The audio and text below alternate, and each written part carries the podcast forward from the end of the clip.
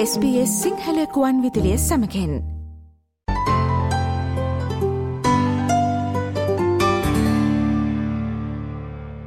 ඔස්ට්‍රලයානු රැකයා සහ නිපුණතා සමුළුව පසුගෙදා කැන්පරාහිදී පැවැත්වුණා.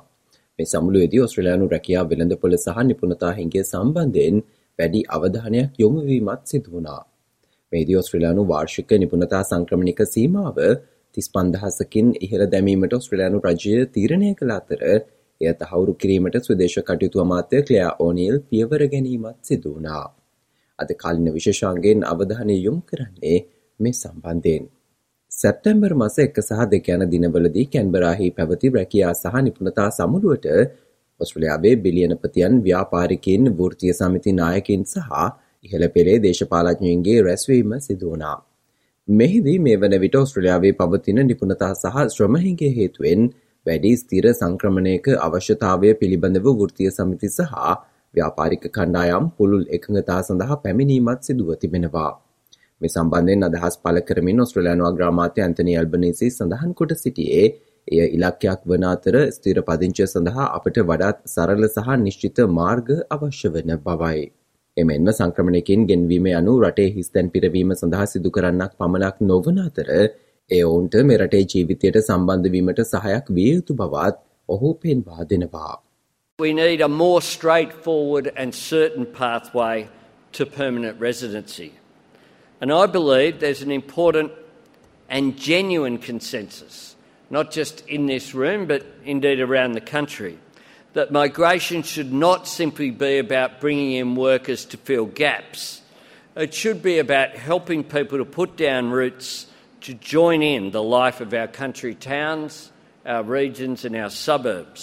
ස්වදේශ කටයුතු අමාත්‍ය ක්ලයා ඕනිල් කැන්බරාහි පැවති රැකයා සහ නිපුණතා සමුළුවේදී සංක්‍රමණකින්ගේ පැමිණීමේ වැඩිවීම නිවේදනය කළ අතර ඇය පෙන්වා දුන්නේ ස්තිර පුහුණු සංක්‍රමණ ස්ථාන සංඛ්‍යාව එක්ලක්ෂ අනු පන්දහසක් දක්වා මෙම මූල්‍ය වර්ෂයේදී වැඩි කිරීම මේ වන විට පවතින නිපුණතා අර්බුදයට ප්‍රතිචාරයක් වන බවයි.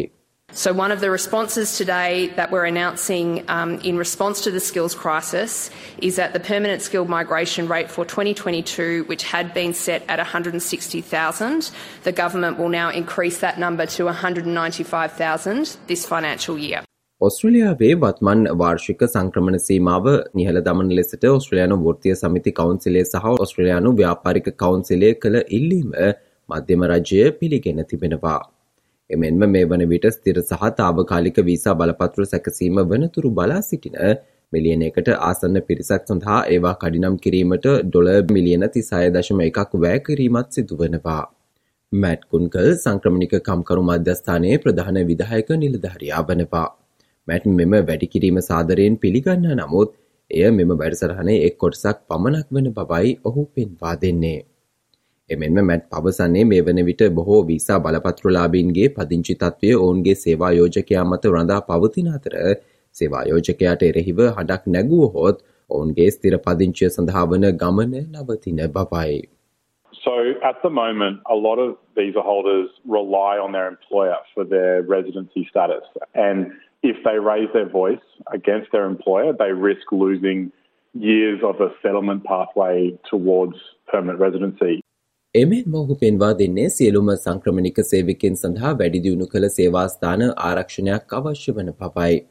එමෙන්ම ජාත්‍යන්තර සිසුන් සම්බන්ධයෙන් ඔහු සඳහන් කරන්නේ ජාත්‍යන්තර සිසුන් සම්බන්ධයෙන් ආරක්ෂාව සැපීමද අවශ්‍ය වන අතර ඔවුන්ව නිසි වීස සඳහා යොමු කිරීමට ඔස්ට්‍රලයානු අදාළ අංශ දායක විය යුතු බවයි.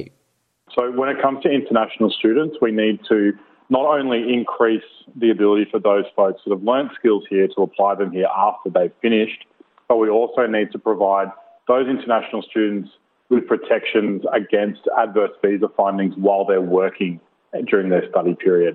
දැන් අපි මේ පිළිබඳව සමාජයෙන් මතුවන අදහස් සම්බන්ධයෙන් අවධානය යොමු කරමු. රෝෂාන් අස්ලම් ජාත්‍යන්තර ශිෂ්‍යයකු වන අතර රෝෂාන් සිද්නිහි අර්ධකාලින උබ රියදුරකු වශයෙන් සේවය කරනවා.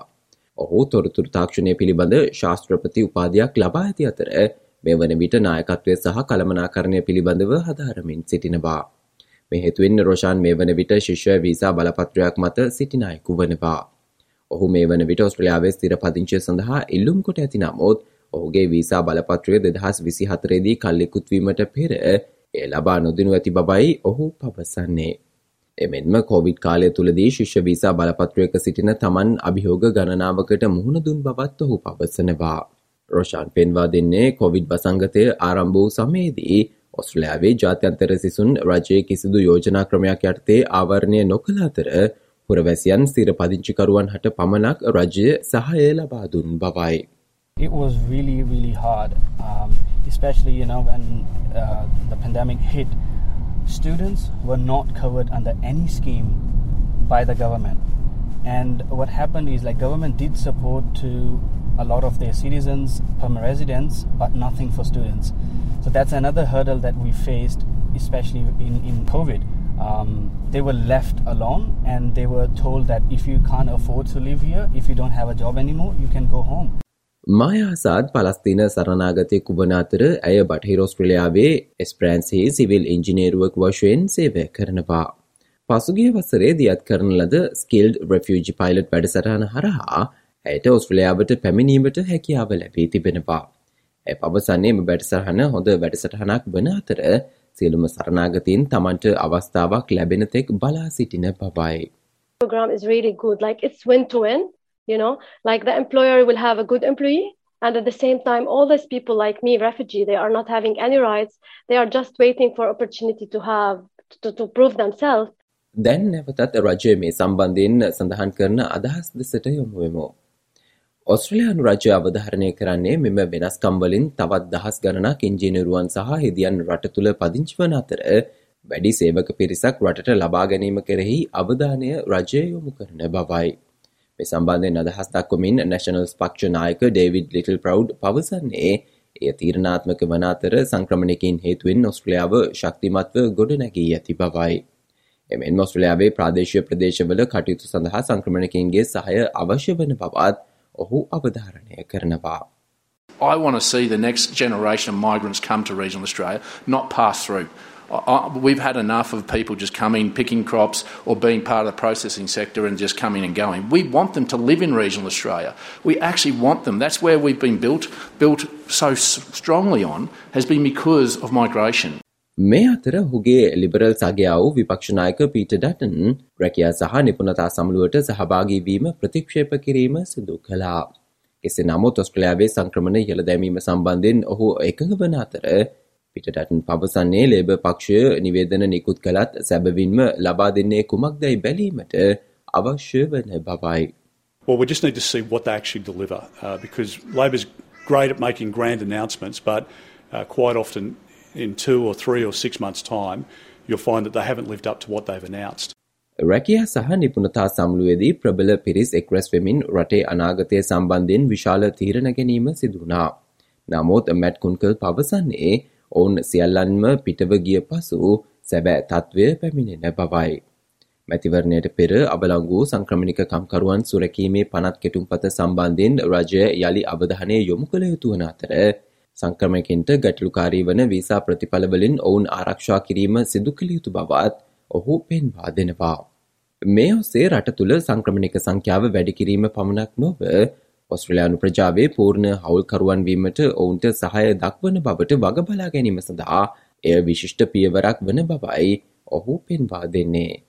We would like the federal government to have another look at the Protecting Migrant Workers Bill that lapsed before the election. Uh, it needs some significant work, but the idea of introducing whistleblower protections and protecting migrants from adverse visa outcomes when they've been exploited is a really great step in not just uh, increasing migrant numbers in the country, but making sure they're supported to be full partners of our community. ඔස්ට්‍රලයාාවේ visa සහ සංක්‍රමණ සම්බන්ධ නවතම තොරතුරු ඔබට ස්පේ Sinhala සේවේ web අඩබියෙන් දැනගත හැකි. එස්ඳහා www.sbs.com.tu/ සිංහලයන අපගේ web අඩවියට පිවිස ඉහල තීරු ඇති ආගමන සහ පදිංචිවීම ලෙස නම් කොට ඇති වෙබ් පිටුවට පිවිසන්න.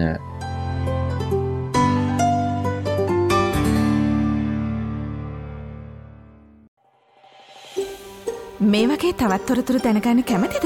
එහෙමනම් Apple podcast Google podcast Spotify ඔබගේ පොඩ්කාස්ට ලබාගන්න ඕනෑම මාතයකින් අපට සවන්දය හැකේ.